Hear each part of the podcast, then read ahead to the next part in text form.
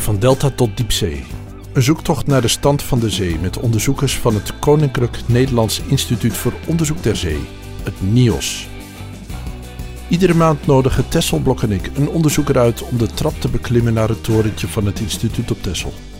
En daar, ver boven de zeespiegel, kijken we uit over het wat en praten over de zee.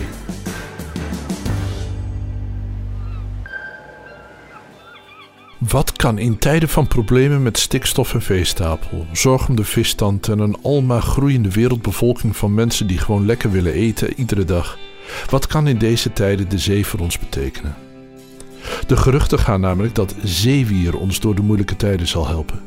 Het probleem is, we weten nog verrassend weinig van zeewier af. Vandaar dat het NIOS in 2014 een zeewiercentrum oprichtte met aan het hoofd Klaas Timmermans, de hoogleraar die zichzelf om redenen die duidelijk zullen worden presenteert als experimenteel marien bioloog. Geen zeewierboer dus, maar een fundamenteel onderzoeker die de afgelopen zes jaar geprobeerd heeft het zeewier de basisvragen te laten beantwoorden. Wanneer voel je je op zijn best? Wat heb je daarvoor nodig? En wat doe je met de rest van het ecosysteem je je massaal ergens vestigt? Klaas Timmermans beklimt het torentje om te praten over zeewier. Maar allereerst natuurlijk over de vraag: als je hier vanuit het torentje over het wat kijkt, wat zie je dan? Waar kijk je dan naar? Ja, dan kijk ik eerst of het hoog of laag water is, wat er, wat er gebeurt. Ik zie voor een deel mijn werkterrein daar. En ja, ik word er wel enigszins blij van ook. Waarom kijk je of het hoog of laag water is? Ja, dat is een beroepsdeformatie, denk ik. Maakt het uit voor jou of het eb of vloed Ja, is? zeker. Wat dan? Toegang. Met hoog water eh, is het of juist makkelijker of juist moeilijker, afhankelijk van waar je wil werken. En waarom wil je toegang hebben dan? Om daar bijvoorbeeld te kijken naar de organismen die daar, eh, die daar leven. Ja. En eh, ja, met name de wieren waar ik de laatste tijd aan werk. En veel van die wieren die zitten onder de waterlijn. Dus dan is het tenminste onder de hoogwaterlijn. Eh, dus dan is het wel handig als het water wat lager is. Dan kan ik er tenminste bij. Anders dan krijg ik natte voeten. Als je naar de zee kijkt, dan kijk je onmiddellijk als naar je werkterrein. Nou ja, voor een deel wel. Maar voor een deel natuurlijk ook is het wel een, een omgeving waar ik, me, waar, waar ik blij van word. Wat ik, wat ik een prettige omgeving vind. En niet voor niets heb ik mijn hele leven in de buurt van de zee gewoond. en Ben je er ook opgegroeid? Nou, ik ben in Bussum geboren en toen ik zes jaar oud was, verhuisden mijn ouders naar Heilo. En de zee was altijd wel heel erg belangrijk. Dus van jongs af aan gingen wij altijd als gezin, altijd hadden wij strandvakanties, dus altijd naar de zee toe. En mijn ouders waren daar ook graag. En ja, ik kan me niets anders herinneren dan met schepjes en vormpjes daar bezig geweest te zijn. En het feit dat je ouders er ook waren, gaf natuurlijk ook een hele prettige atmosfeer. Ja, natuurlijk. Ja, Ja. De wijsheid en, en, en de, de, de, de geuren van de zee, die trekken mij meer aan dan, dan ja, toch wat, wat minder ver uitzicht in, in bosterreinen en, en heuvelachtige dingen. Ja, dus wat dat betreft wel een, een typische Hollander, denk ik. Ja. En op het moment dat je besluit om biologie te gaan studeren, Ja. speelde dat toen ook al een rol? Nou, dat was meer dat mijn aantrekkingskracht tot water in het algemeen. Want ik ben begonnen in het zoete water. Eh, tijdens mijn studie biologie wist ik lang niet zeker wat ik wilde. Dus ik heb heel breed georiënteerd. Dus biologie van planten en biologie van dieren en plantenfysiologie en dierfysiologie heb ik allemaal gedaan. En pas in mijn laatste bijvakstage, ik ben dus nog een student van het oude stempel met hoofdvak en bijvak. In mijn laatste bijvakstage deed ik een experimenteel vak. Dat was bij Luc Mur, microbiologie op de negende verdieping van het Roeters Eiland. En daar heb ik eigenlijk... In ik Amsterdam dus. ja, is in Amsterdam, ja natuurlijk. Ja, Universiteit van Amsterdam. Ja. Daar ben ik gegrepen door het experimentele werk en dan met name met, met allerlei plantjes en beestjes die in het water leven. En ik heb me toen eigenlijk wel voorgenomen dat mijn hele leven vol te houden. Ik ben een end gekomen. En ja, gedurende mijn promotieonderzoek was dat gericht op, op zoetwaterorganismen. Dus ik werkte toen in de Maarseveense plassen, promotieonderzoek aan de, Rijks, aan, de, aan de Universiteit van Amsterdam. Maar mijn proefterrein waren de Maarseveense plassen, dus diepe zandwindputten. En daar werkte ik met dansmuggenlarven, dus niet stekende muggenlarven. die eh, leven in waterbodems. En dat was nog wel een beetje de tijd dat vervuiling in waterbodems echt een groot probleem was.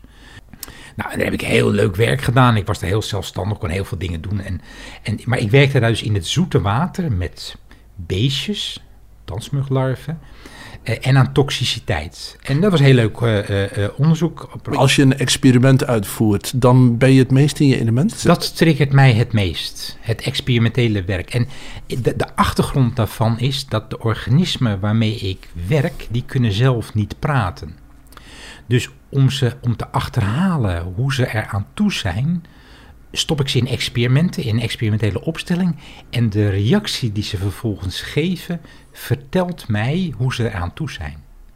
Dus de organismen kunnen niet praten, maar, maar indirect praten ze wel doordat ze hun reactie laten zien op de experimentele omstandigheden.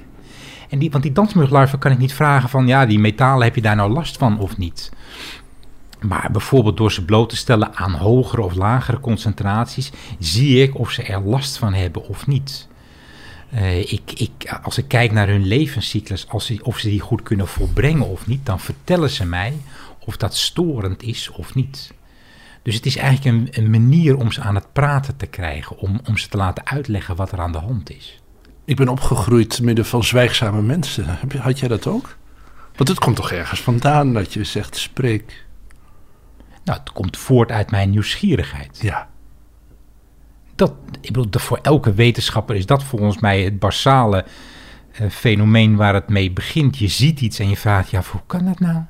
Hoe, zou, hoe zou dat nou werken in de praktijk? Dat is de nieuwsgierigheid die mij als wetenschapper drijft.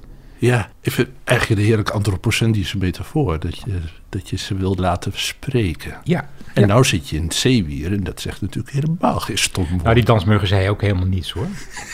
Dus dat is, dat is uh, dat, wat dat betreft blijft het hetzelfde. Daar zit nog wel een stukje tussen. In de tussentijd heb ik 25 jaar van mijn wetenschappelijke carrière besteed aan, aan microalgen.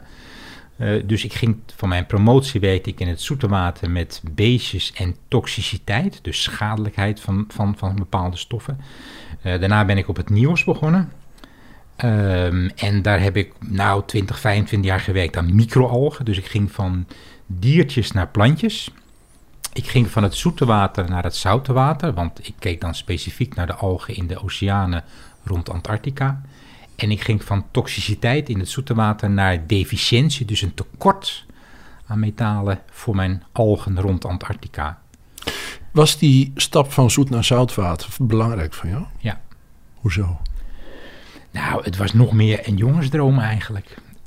In, in, op de Maarseveense plassen voer ik met een, met, een, met een bootje met een buitenboordmotor. En had ik, nou, dat was daar 20, 30 meter diep.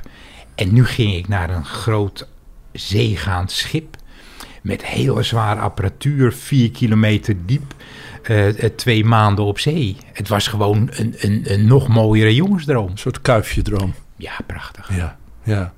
Maar ik bedoel ook het feit dat het zoet- en zoutwater was.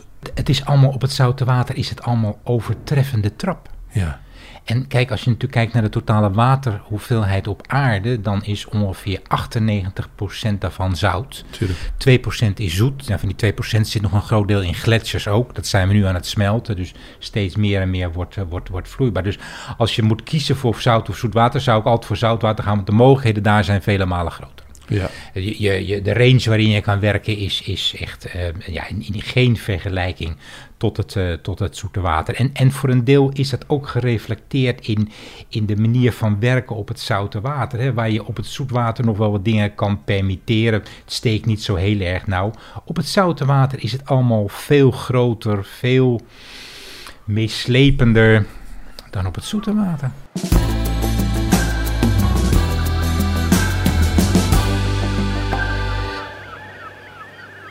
Laten we nog even uit het raam kijken en we zien het wat. Is dat, je, je zei, ik kijk of het, uh, of het eb of vloed is. Ja. Uh, maar kijk je ook, um, um, dat, dat water wat we dan zien, is dat geschikt voor zeewier? Ja, bij uitstek. Als het wat droog valt, um, dan zie ik uh, platen, ja, dan zie klopt. ik bosselbanken, ja. dan zie ik niet, ja, ik, ik, ik zie wel een beetje zeewier, maar Nee, dat klopt. houdt niet over. Nee, ja, je, je hebt het scherp gezien. Je hebt het scherp gezien. Kijk, eh, zeewier wil zich altijd ergens aan vasthechten. En, en zand en modder, modder zijn daar niet zo heel erg geschikt voor. Dus, dus je zal zien dat bij mosselbanken, oesterrieven, daar vind je wel het nodige eh, zeewier. En voor de rest zie je heel veel zeewier op onze dijken. Ja. Dus de, waar wij eh, zelf basalt of, of asfalt of iets anders hebben aangebracht, daar vind je heel veel van de wieren. Maar Nederland is nou niet, de Noordzee is nou niet bij uitstek het meest geschikte gebied om aan zeewier te werken. Dan kan je beter gaan naar, naar, naar gebieden waar er eh, harde ondergronden zijn. Noorwegen, eh, het kanaal.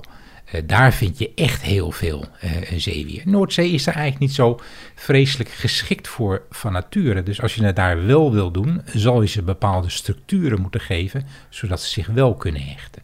Als je in de Noordzee op een willekeurige plek een harde structuur neerpoot, dan is Ja. het gewoon een kwestie van afwachten. Ja, ja, gaat vanzelf. Binnen de kortste keren. je- Dus het, het is overal. Het is overal, hè? Beiring Popping zei al, alles overal, het milieu selecteert. Een van de basale regels in de biologie. Kan je uitleggen wat je bedoelt? In principe zijn heel veel organismen overal aanwezig in zeg maar als uitgangsmateriaal. Alleen de omstandigheden maken het onmogelijk dat ze zich vestigen. Als je een hard substraat nodig hebt om je ergens te vestigen in een juiste waterdiepte bij een juiste hoeveelheid licht en die omstandigheden zijn er niet, dan kan je je niet vestigen. Dus organismen hebben een bepaalde ja, window of opportunity, gelegenheid nodig om zich te vestigen. Als die er is, dan zal je zien dat het razendsnel eigenlijk gaat. Waarom ben je met zeewier bezig gaan houden? Dat was eigenlijk toeval. Eigenlijk toeval. Als je terugkijkt op je carrière, dan, dan kom je tot de conclusie dat je wel plannen kan maken, maar dat eigenlijk toeval een veel grotere rol speelt. Ik heb, eh, zoals ik vertelde, zo'n 20, 25 jaar aan microalgen gewerkt. Eh, ongeveer ehm, ehm, tien jaar geleden had- kregen wij een nieuwe directeur, Henk Brinkhuis. En, en eh, nou, was met aan het praten. En hij zei, er is ontzettend veel belangstelling voor zeewier. Zou, zou je niet iets met zeewier willen gaan doen? En dat leek me eigenlijk wel heel erg leuk. Wat was jouw nieuwsgierigheid dan voor zeewier? Ook daar gewoon begrijpen hoe, hoe, hoe ze functioneren. Onder wat voor omstandigheden ze, ze, ze prettig zijn en, en niet. En nou, tot mijn verbazing, eh, ik wist niet zoveel van zeewier af. Ik dacht, daar zal wel heel veel over gepubliceerd zijn. En toen bleek eigenlijk dat de meest basale dingen eigenlijk nog niet goed beschreven of onderzocht waren. Dus ik voelde mij op dat moment weer een klein kind in de, in de, in de opslagruimte van Sinterklaas. Op, op elke plank zag ik, zag ik wel wat liggen wat ik heel interessant vond. Wat wist je bijvoorbeeld niet waarvan je had gedacht, nou dat, dat zullen ze toch wel weten? Nou, ik dacht dat bijvoorbeeld het huishoudboekje van zeewier, hoeveel eh, voedingsstoffen hebben ze nodig, dat dat allemaal al volledig uitgezocht was. En dat was niet zo. Dus, dus eh, je praat hier over organismen die ontzettend in de belangstelling staan. Ze zien het als een soort van alternatief landbouwgewas. Wat we op oceanen en zeeën kunnen verbouwen. Maar wat ze nou precies nodig hebben om heel snel te groeien, dat, dat was eigenlijk heel het was moeilijk te vinden of eigenlijk niet voorhanden. Dus daar zijn we mee begonnen. Van, van hoeveel stikstof, hoeveel fosfaat hebben ze nou eigenlijk nodig dat ze zich gelukkig voelen? Mag ik een stapje terug doen? Wat is zeewier eigenlijk? Waar kan je het mee vergelijken? Wat is de pendant op het land? Varens. Varens. Zeewier zijn... Met sporen en al. Juist, ja. Ah, ja, ja. Het zijn lagere planten. Hè? Dus de, de, planten die wij op land zien, dat zijn de hogere planten. En hogere planten hebben een differentiatie in wortels, stengels, bladeren, bloemen. Dat zijn de hogere planten. Zeewier heeft geen wortels, stengels of, of bladeren. Ja, het zijn eigenlijk, ja, het is een blad. En dat is zeewier. Maar dat blad houdt zich ergens aan vast. Dat Ja, dat is een holdfast. Daar zit een soort van voet aan. Maar eigenlijk is het, ja, dat is een beetje anders. Maar het is lang niet zo'n uitgesproken differentiatie in weefsels. zoals we dat bij de hogere planten zien. Het is gewoon allemaal een eenvoudige uitvoering. Een instapmodelletje zou je kunnen zeggen. Zijn ze ook net zo oud als de varens? Eh, ja, ja. Ze zijn heel oud. Ja, het zijn de primitieve planten. En later zijn de hogere planten daaruit eh, uit ontstaan. Dus het is echt een soort oer- oermoeder van... Klopt. Ja. En ze produceren sporen. Ze hebben een ingewikkelde levenscyclus. Die sporen kunnen groeien uit tot gametofieten. Dus de, de, ehm, eh, die maken de eicellen en zaadcellen. Dus die zijn ook eh, vrij drijvend in het water. Hè. Het zeewier zit ergens aan vast. Tenminste, de meeste zeewieren zitten ergens aan vast. De ehm, sporen en gametofieten, dus de, de dragers van de voortplantingsorganen, die zijn vrij drijvend. En Maar, maar over die sporen, want ik weet bij het varens, dan is het aan de onderkant van het blad krijg je veel Ja. van die Ja. bruine. Bij wieren eigenlijk hetzelfde. Maar je weet niet wat de onderkant van een blad van een, van een Nee, dus, dus dat kan aan de onderkant en de bovenkant. Eigenlijk vind- bevindt zich in het midden van het blad aan beide kanten. Oh. Maar als je zo'n blad hebt, hè, normaal kijk, kijk je zo'n blad en je kijkt tegen het licht, dan is dat mooi. Voor bruinwieren is dat mooi lichtbruin. En op het moment dat ze daar sporen op gaan vormen, dan wordt het wat donkerder van kleur. Oh ja, dus, dat- dus dat is weer een overeenkomst. Met Dat is een overeenkomst, ja. Is het zo dat het onder bepaalde omstandigheden... Exact, ja. En dan is meteen de vraag onder welke omstandigheden? Ja, exact. en Nou, dat wisten we dus niet. Dat wisten we niet. Nou, eh, over het algemeen is dat wat onder. eh, of ze moeten zich heel erg gelukkig voelen, of juist eh, heel ongelukkig voelen, gaan ze, zich, gaan ze zich voortplanten. Dat zijn puur fundamenteel wetenschappelijke vragen. Leuk dat je zegt dat wanneer voelt een zeewier zich ongelukkig... Ja. dat je dat schakeert onder een puur wetenschappelijke vraag. Ja, ja, ja, klopt. Ja, heerlijk. Ja, wanneer Ik heb, voelt ik heb daar een typisch antropocentrische benadering Ja. in, mijn, in hoe, ik, hoe ik mijn eh, wetenschap bedrijf. Wanneer voelt zeewier zich gelukkig en wanneer voelt het zich ongelukkig?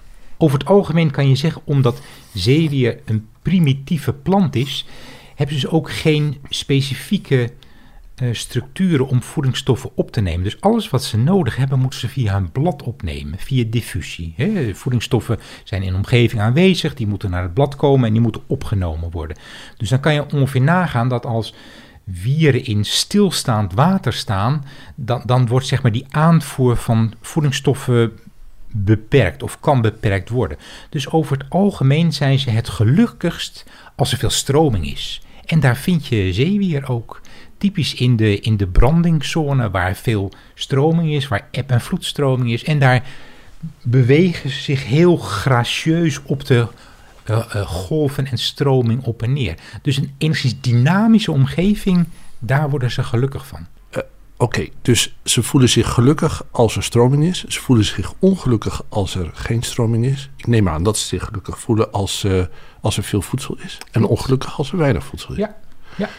Als ze zich ongelukkig voelen, dan zou je het bijna een noodbloei kunnen noemen. Dat ze zich Ja, vermenigvuldigen. Ja, dat, eh, dat eh, kan eh, zeker gebeuren. Ook als ze beschadigd worden, kan dat een hele goede reden zijn dat ze, dat ze sporen gaan vormen. Wat eten ze? Planten behoren, wij noemen dat fotoautotrofen. En dat klinkt heel ingewikkeld, valt mee. Foto wil zeggen dat ze hun energie halen uit het licht. Ja. En autotroof wil zelfvoedend. Letterlijke vertaling daarvan is zelfvoedend. Dat doen planten en zeewieren en dat wil zeggen dat ze kunnen groeien met behulp van anorganische voedingsstoffen. Dus nitraat, fosfaat, dus stikstof en fosforverbindingen. En die zijn allemaal opgelost in het water. En hebben dus eigenlijk heel weinig nodig. Maar ja, datgene wat ze nodig hebben, moet er natuurlijk wel zijn. Anders kunnen ze niet groeien. Als je het hebt over fosfaat en nitraten, dan denk ik, nou, een beetje vervuild water, dat is voor die planten best fijn. Ja, ja in de, hele- deze hele stikstofdiscussie die we nu zitten, zit ik er net iets anders in dan menig ander.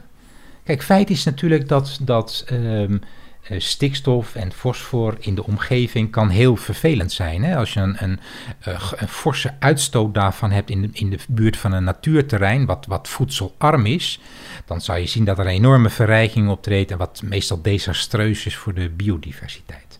Als je kijkt naar, naar eh, zeg maar het, het, in zijn algemeenheid naar het groeien van planten en je wil daar ook nog wat van oogsten, ja, dan kijk je daar toch anders naar.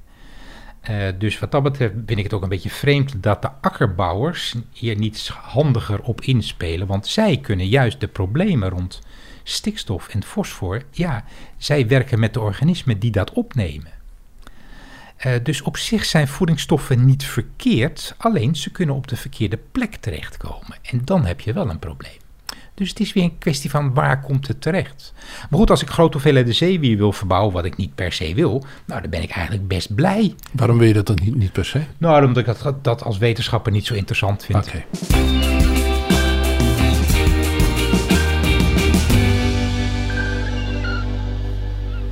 Zeewier, ehm, dat kan dat zeg maar de groene sla zijn die Ja. eh, op het strand. Maar je hebt ook van die, van die eh, bruine dingen met van die eh, luchtbellen erin. eh, zodat ze overeind blijven in het water. Wat, eh, vertel eens wat. Nou, het is voor zeewier heel eenvoudig hoor. Je hebt eh, bruine, rode en groene wieren. Oh. eh, Ingewikkelder dan dat is het niet. Nee, nee. En, en hebben ze een vergelijkbare biotoop? Een vergelijkbaar... het is allemaal behoorlijk anders. En de kleur geeft ook al aan dat ze zich vaak op verschillende plekken in het water eh, eh, eh, bevinden. hoe groener, hoe hoger? ja, klopt. Ja. Ja. En ze hebben ook allemaal verschillende voorkeuren ja, waar, ze zich prettig bij voelen en waar ze zich vestigen en niet vestigen. Eh, eh, de groene wier, hè, zeesla kent iedereen wel. Ja, een soort van andijfje wat je langs het eh, strand vindt. Dat kan gewoon ontzettend veel hebben. Dat kan droog vallen. Er kan een regenbuitje overheen komen wat zoet water is. En worden ze eigenlijk hebben ze niet zoveel last van. Andere wieren, de blaasjeswieren, die bevinden zich typisch in het getijdengebied. Die moeten twee keer per dag droog vallen. Als je dat soort wieren de hele dag onder water zou houden, gedurende een langere periode, gaan ze dood. Overleven ze niet. Waarom moeten ze eigenlijk eh droog Nou, daar zijn de theorieën. Ik, ik werk niet met blaasjes, met, met, met dat soort eh fucusachtige wieren. Dus, dus ik ben daar geen expert op. Ik weet wel dat men vermoedt dat er bepaalde stoffen uit de cellen moeten ontsnappen. Eh, anders gaat zich dat zich tegen hen keren.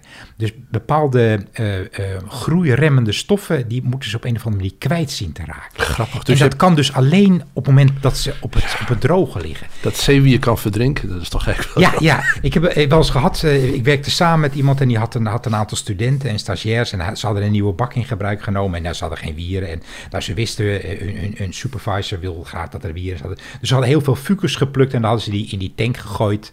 Allemaal En dood gegaan. Dat ging allemaal dood. ja, dat klinkt natuurlijk niet leuk, maar, maar dat is dus wel met de beste bedoelingen, was dat dus niet de, de bedoeling. En ja, dan, dan zie je dus ook weer hoe, wat voor een praktische eh, insteek ik met mijn werk heb. Ik wil met dat soort organismen werken. Ja. Hè? Dus ik wil ze ter beschikking hebben dat als ik een idee heb dat ik het kan gaan testen. Dus daar wil ik een faciliteit voor hebben. Nou, daar heb ik de grote bakken voor. En je kan je voorstellen dat ik dus niet met soorten ga werken die, die twee keer per dag droog moeten vallen. Want dat betekent dat ik twee keer per dag mijn wieren uit het water moet halen. Nou, dat is dus voor een dag wel te doen. Ja. Maar voor een aantal jaar ga je daar dus niet aan beginnen. Of je moet een poreuze bak hebben die zeg maar in een omgeving van technisch, tijd... technisch levert dat wel wat problemen op. Oh ja, dat zal ook wel. Ja, dus ik had wel gedacht aan een soort van frituurpan. Dat, Ja. je, dat, je, dan, dat je dan twee keer per dag een, een kabeltje aanzet dat, die, dat ze uit het water getrokken worden. Dat hebben we maar niet uitgevoerd. Dus ja, wat dat betreft heb ik natuurlijk een, een praktische insteek. Eh, we werken ook veel met soorten waarvan we toch in enige mate de levenscyclus wel beheersen. Dat we weten, nou, hoe kunnen we ze sporen laten vormen? Hoe kunnen we ze tot seksuele voortplanting brengen, zodat we nieuwe kleine zeewiertjes gaan krijgen? Als je dat niet, allemaal niet weet, ja, dan moet je elke keer naar het veld gaan om dat soort organismen te gaan verzamelen. U hebt het over seksuele voortplanting. Hebben, heeft één bladzeewier een ander bladzeewier nodig? Of, eh, Nee, nee. Dat- Er zijn wel mannetjes en vrouwtjes, maar dat zit dus in de gametofieten, de, Ah, ja. de, de, de eh, structuren die de geslachtscellen dragen. Daar heb je de mannetjes en de vrouwtjes van. Oké, dus je hebt eh, groenwieren, roodwieren, eh, Bruinwieren. bruinwieren. Ja. Maar allemaal nitraten, fosfaten. Ja. Eh, ze hebben eigenlijk allemaal hetzelfde nodig. Maar, Alleen onder andere omstandigheden. ja, maar de ene is, is een, een, een, een eentje die ontzettend snel heel veel op kan nemen, maar niet zoveel in voorraad houdt. En de ander doet het veel langzamer, maar kan ook wel een tijdje zonder zitten.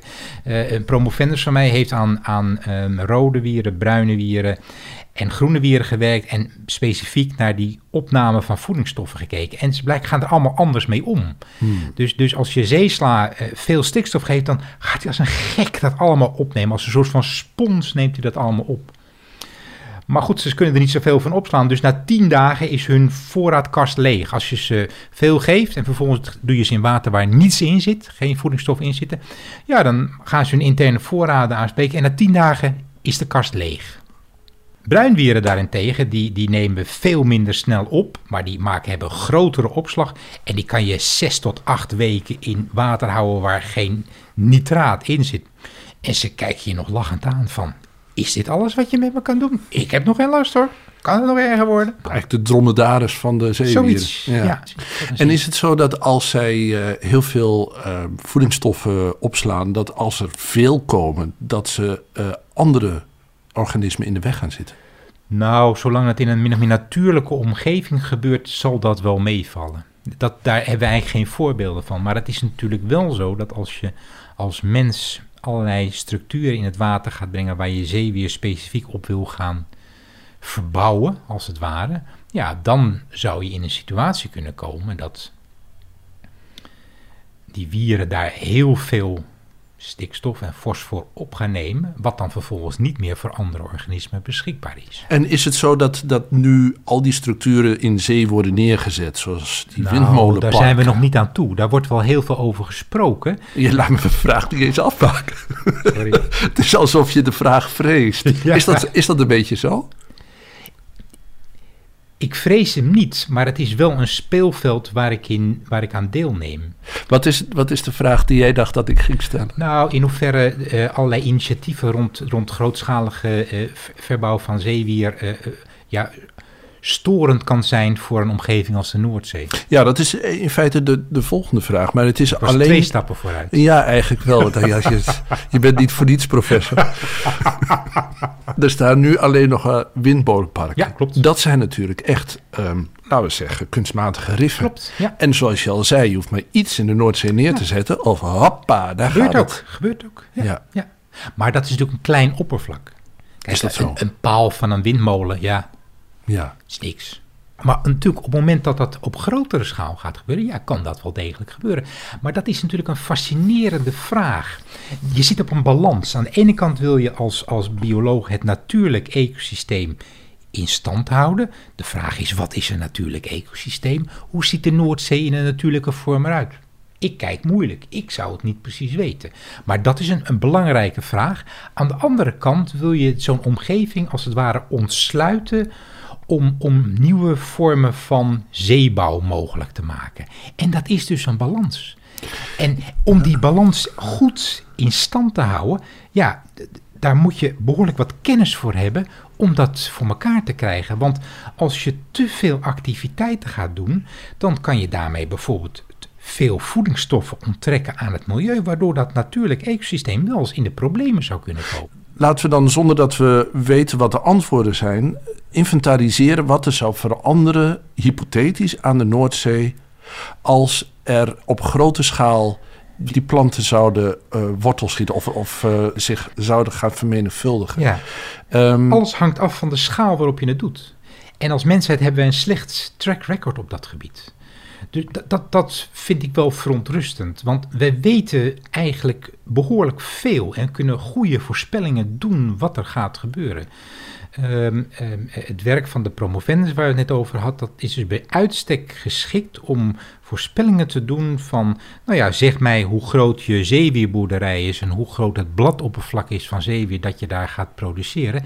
En ik kan je precies vertellen hoeveel stikstof en hoeveel fosfor daarin opgenomen wordt. Dat Ja. weet ik behoorlijk goed. ja. Maar als je die waarde kan uitrekenen, Ja, dan heb je een getal. klopt. Maar wat kan je met dat getal? Nou, met het getal kan je bijvoorbeeld kijken hoe zich dat verhoudt tot de instroom van dat soort voedingsstoffen vanuit de rivier de Rijn Ja. en de Maas, maar bijvoorbeeld ook de instroom van voedingsstoffen via het Engels kanaal. Ja. Dus je kan als het ware een, een, een huishoudboekje van de Noordzee gaan maken voor stikstof en fosfor.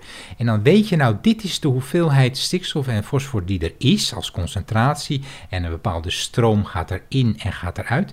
En dan kan je bij jezelf zeggen, nou, ik accepteer, ik acht het verantwoord dat 5% of 10% of 20% of 50% daarvan opgaat naar een nieuw gewas als bijvoorbeeld zeewier. Ja. Maar dat zijn behoorlijk subjectieve keuzes natuurlijk. En daar, daar wordt nu volop over nagedacht. En dan denkt men niet meer dan 5 of 10 procent zou opgenomen moeten worden. En dan ja. blijft er nog voldoende over voor de anderen. Eh, eh, die andere, wie zijn dat dan? Dat zijn de microalgen. We praten hier nog steeds over de basis van de voedselketen in de Noordzee. En in de Noordzee komt van nature weinig zeewier voor, omdat ze zich nergens aan vast kunnen hechten. Ja. En vervolgens gaan wij structuren erin brengen waarin we grote hoeveelheden biomassa aan zeewier willen gaan kweken. Nou, dat gaat dan in concurrentie met de microalgen die er zijn. En die microalgen, eh, laten we even kijken naar de, micro, de, de plek van de microalgen in het ecosysteem. Die microalgen worden gegeten door... Basis van de voedselketen, dus filterfeeders. Mosselen, oesters, krabbetjes, kreefjes, kleine krabbetjes, kleine kreefjes. En dan gegeten worden naar grotere krabbetjes, grote kreefjes, kleine visjes, grote visjes, Ah, juist. vogels, etc. Dat is mijn voedselketen. Maar het, het complicerende hieraan, ja, hier spreekt de wetenschapper. Er bestaat geen zeewier, het zijn allemaal verschillende soorten. En er- bestaat geen Noordzee. Ja, er bestaat wel een Noordzee, maar daar zitten bijvoorbeeld ook seizoenen in de Noordzee. En ik kan me heel goed voorstellen dat in het voorjaar, als met name de microalgen veel voedingsstoffen nodig hebben om dan hogere dichtheden aan algen te gaan vormen, dat je dan niet die concurrentie wil hebben met zeewier. Maar er is ook een winterseizoen. En in de winter groeien microalgen gewoon minder hard en nemen ze minder voedingsstoffen op. Maar het is typisch wel direct na, het, na de herfst, na het regenseizoen in Europa. Dus rivieren voeren veel water af met veel voedingsstoffen. Dus de flux aan nutriënten is nog behoorlijk hoog. Nou, dan denk ik dat het met name in de winter prima mogelijk is om grotere hoeveelheden zeewier te gaan produceren omdat die voedingsstoffen die dan toch de, de zee instromen, eigenlijk door niets en al niemand gebruikt worden. Dus en dat kan is de- maar is in één winter genoeg voor wier Ja, om te groeien? Ja, Hoe- als ik in, in oktober, ehm, eh, september, oktober hele kleine wiertjes naar zee breng. Wieren hechten zich aan alles, dus ook bijvoorbeeld aan touwen. Dus ik bereid dat in het lab voor en ik zorg dat ik een touw heb waar allemaal kleine wiertjes aan hangen en dat breng ik naar zee. Dan kan ik in april, mei van het volgend jaar wieren oogsten van 80, 90 centimeter, een meter, 1 meter 20. Dus dat wordt van heel klein naar heel groot in een relatief korte periode.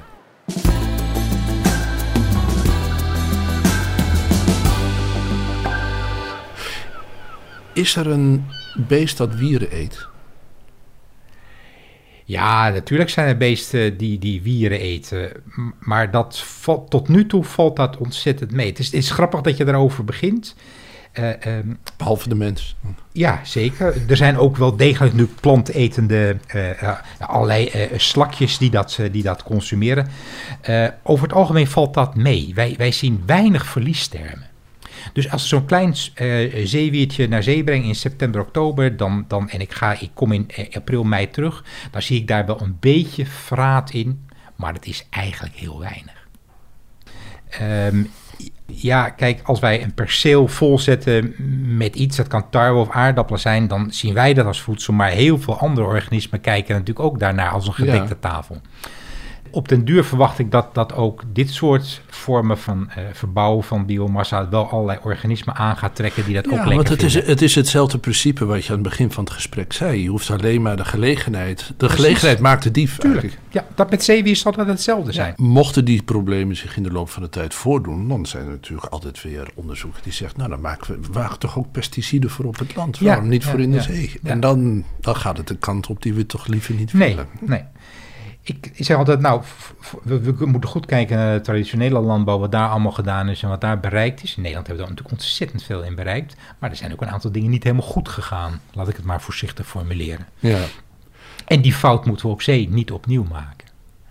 Denk je niet dat als de gelegenheid er is om fouten te maken, dat die fouten vanzelf ik heb komen? daar niet heel veel vertrouwen in. Net, dat- dat ben ik met je eens. Ja. Dat ben ik met je eens. Maar goed, dat, dat, ja, ik, ik heb daar ook wel mijn twijfels over. We kruipen natuurlijk steeds meer op naar het praktische, naar de toepassing. Ja. Dat, eh, en je kan op een gegeven moment zeggen van, nou ja, d- dat, eh, dat interesseert me niet meer. Maar Zo, zo zwart-wit is het natuurlijk niet. Maar, maar het is wel iets wa- waar ik, wat ik ervaren heb, wa- waar ik in het begin wel aan moest wennen hoe ik daarmee omging. ja, Kijk, toen ik aan microalgen werkte, had, had niemand belangstelling voor mijn werk. Dus ik kon in splendid isolation, kon ik heerlijk mijn dingetje doen. En dat Ja. is geweldig. Toen ik aan zeewier begon, werd ik plotseling mateloos populair. Het, met het zeewiercentrum kon ik wel elke dag een rondleiding geven. Ja. Iedereen wou er naartoe en iedereen wou er wat mee. En nou ja, als je belangstelling krijgt, ja, dat, dat laat je natuurlijk niet helemaal onberoerd. Maar ik merkte wel dat, dat ik een kant op getrokken wou, ja, die ik persoonlijk niet zo interessant vond. en dat is die, die kant was. Nou, de, het, produceren van. Ja. Ja, als, het, als het routine wordt, dan ben ik als wetenschapper en dan raak ik al gauw mijn belangstelling kwijt. Dat is natuurlijk uiteindelijk wat er gebeurt. Er gaan, eh, en het, wordt, eh, het wordt commercieel, het gaat verbouwd worden. Ja. Producenten gaan dus eh, met jouw bevindingen aan de loop. Dat is prima. Ja. Is het zo dat het zeewier, dan hebben we het vooral voor de groenwieren neem ik Nee aan, hoor, de, bruin, de, de bruinwieren net zo belangrijk. Ja. Roodwieren worden wat, min, staan wat minder in de belangstelling. dus, dus groen en bruinwierde, als je dat oogsten gaat gebruiken, dat het dan op kan tegen de eiwitrijkheid van soja bijvoorbeeld. Ja, zonder meer. Ja, het is zonder meer vergelijkbaar. Ehm, d- Want dus ik heb gezien een, een onderzoek over eh, visvoer voor tilapia. Ja, ja. Dat, als het, dat je wel wat aan het zeewier moest doen Ja, om, zeker. het, om de maar eiwit er op zit ook een fundamenteel verschil tussen de eiwitbronnen die we nu hebben, de plantaardige eiwitbronnen die we nu hebben, en, en een eiwitbron als zeewier. Hè, je noemt het al soja, sojabonen. Dat zijn natuurlijk typisch opslagstructuren van soja. Dus soja investeert heel veel om een sojaboon te maken. Zeewier investeert niet in om zeewierbonen te maken. Dus je praat over het blad van zeewier. Dus de- daar moet je sowieso het eiwit uithalen. Maar de eiwitten die in zeewier zitten zijn eh, net zo hoogwaardig, misschien nog hoogwaardiger eh, eh, als je die vergelijkt met de, de eiwitten die in soja zitten. Dus wat dat betreft is er geen enkel probleem. Ja, je moet wat meer stappen doorlopen om het eruit te halen. Een proces van bioraffinage, want de eiwitten zitten wel in het zeewier, maar hoe ga je ze op een slimme manier uithalen? Daar moeten ook nog behoorlijk wat stappen in gemaakt worden. Maar kijk nu even naar de koolstofvoetafdruk van soja tropisch regenwoud wat platgewalst wordt, wordt daar een aantal jaren verbouwd met enorme hoeveelheid pesticiden en bemesting die er overheen goed. Het wordt geoogst. Het wordt met grote schepen hierheen gehaald, eh, met, met vrachtwagens, et cetera, et cetera. Ja, wij vinden dat, dat is een goed productieproces en, en een deel van de kosten worden maar doorberekend. En vervolgens gaan we dat vergelijken met zeewier. En dan denkt iedereen, nou, dat zeewier is toch ook wel duur, zeg. Dat, dat, is, dat gaat, het, gaat het nooit worden. Ik denk, nou, bereken nou zeg de, de eigenlijke prijs van soja. Dus die vergelijking, daar gaat het allemaal niet helemaal goed in. Daarmee wil ik niet zeggen dat zeewier altijd onder goede omstandigheden verbouwd wordt, want daar is ook wel wat kaf onder het koren. Maar we moeten wel in bijvoorbeeld een, een proces als de eiwittransitie, hè, we moeten andere bronnen van eiwit hebben. We moeten sowieso minder di- dierlijk eiwit gaan consumeren en meer plantaardig eiwit gaan consumeren. Want ja, dat is onze eh, enige route die we kunnen gaan, volgens mij. Nou, daar is de zeewier. Kan daar een alternatieve bron zijn van plantaardig eiwit? Want het basale proces is iets waar je eigenlijk heel vrolijk van wordt. Nitraten en fosfaten en Precies, licht. ja. En CO2 Ja. geeft eh, eiwitten en zuurstof. Wie kan er tegen zijn? Vissers. Ja, maar dat is meer een intuïtieve reactie dan een gefundeerde reactie, zou ik zeggen. Ik, ik gun het ze overigens. Als je kijkt ook naar de productie van vis. Ja, eh, hoe, hoe groeit vis? Nou, vis eet eh, kleine krabbetjes en kreefjes. En die kleine krabbetjes en kreefjes eten kleinere eh, soortgenoten. En die kleinere soortgenoten eten wieren en algen. En als bioloog heb ik geleerd van het ene niveau naar het andere verlies ik 90%. Ik heb 10 kilo gras nodig voor 1 kilo koe. Dus voor 1 kilo ehm, eh, tonijn heb ik 10.000 kilo algen nodig. Tonijn smaakt een stuk lekkerder dan algen. Ik ga er niet over in discussie. Maar echt economisch aantrekkelijk is het niet. Want het is veel handiger om met die 10.000 kilo algen aan de gang te gaan. En daar de stoffen uit te halen. Want nee, onderweg loop ik vijf keer 90% kwijt. Ik hou bijna niets over. Ik zie dus de wel- visser nu al die zegt, oh ja, je hebt gelijk. Die, die, die heb je natuurlijk niet. Ja, ik heb, ik heb, nou ja, ik heb zover gelijk. Maar, maar goed, ja, eh, vis is wat populairder om te eten dan, dan algen. Dat weet ik wel. En waar zeewier is, kan een visser niet vissen. Nou, of juist wel, want, eh, want wiervelden zijn natuurlijk bij uitstek gebieden waar vis kan, kleine vis kan schuilen, zodat ze niet opgeveten worden door grotere vissen, zodat ze wel groot kunnen worden. Ze kunnen dat, hè, dus als nursery en shelter, hè, dus kraamkamer en, en schuilplaats. Dus dat, dat is wel. Maar ik kan me ook heel goed voorstellen hoe als je tien generatie visser bent en vervolgens komt er een of andere wetenschapper voorbij die zegt, nou ja, dat vissen, daar moet je maar mee ophouden, je moet wieren gaan doen. Dan zou ik ook zeggen, nou de, bekijk het maar. Ja. Kan ik heel goed voorstellen. Ik vind wel dat ik het geluid moet laten horen dat, dat willen wij de wereldbevolking ook in de toekomst op min of meer duurzame manier voeden met eiwitten, dat we naar alternatieven moeten kijken. Dat betekent niet dat alle vissers nu moeten stoppen, integendeel, en wie ben ik om dat te zeggen. Maar ik vind wel dat ik alternatieven kan laten zien.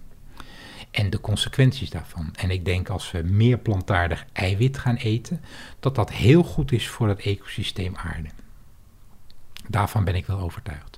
En ja, dat er allerlei uh, kortere termijn economische uh, uh, motieven spelen, dat accepteer ik volledig. Kan je je voorstellen dat het, het wat, want we kijken nu over het wat, dat die zee geschikt is voor zeewier? Dat er best wat, wat meer in mag, omdat het er van nature niet in zit? Of denk je van ja, nee, nou, dat kan naar, zeker moeten meer we naar in. die andere kant? Het is, dus, er kan zeker meer in, maar ik denk dat de oceanen daar een veel grotere potentie voor hebben. Kijk, het zijn, blijven natuurlijk relatief klein, kleinschalige gebieden.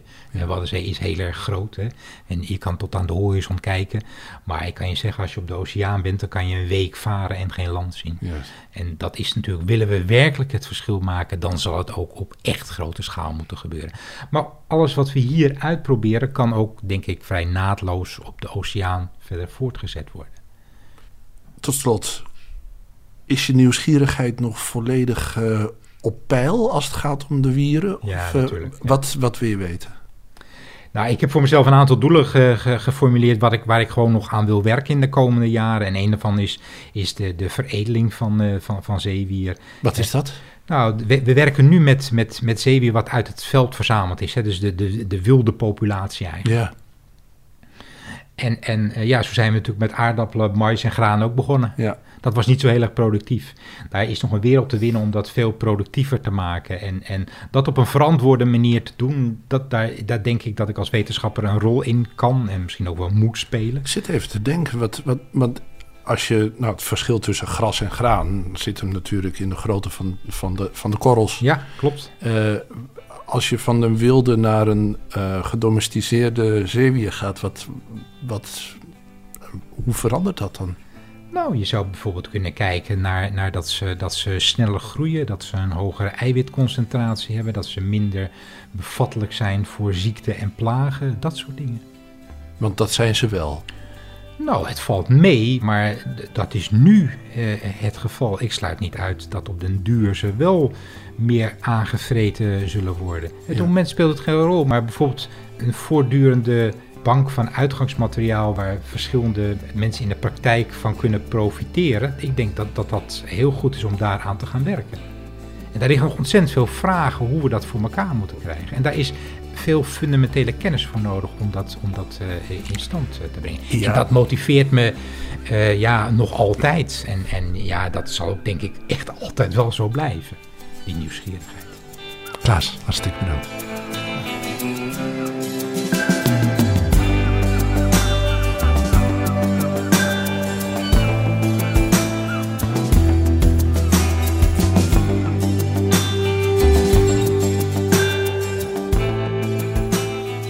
Was van Delta tot Diepzee gesprekken op Texel met zeeonderzoekers van het Koninklijk Nederlands Instituut voor Onderzoek ter Zee. U hoorde hoofd van het Zeewiercentrum professor Klaas Timmermans in gesprek met Matthijs Deen. De muziek is gemaakt door Matthijs Duringhoff. Als u zich abonneert, ontvangt u iedere maand een nieuw gesprek met een zeeonderzoeker.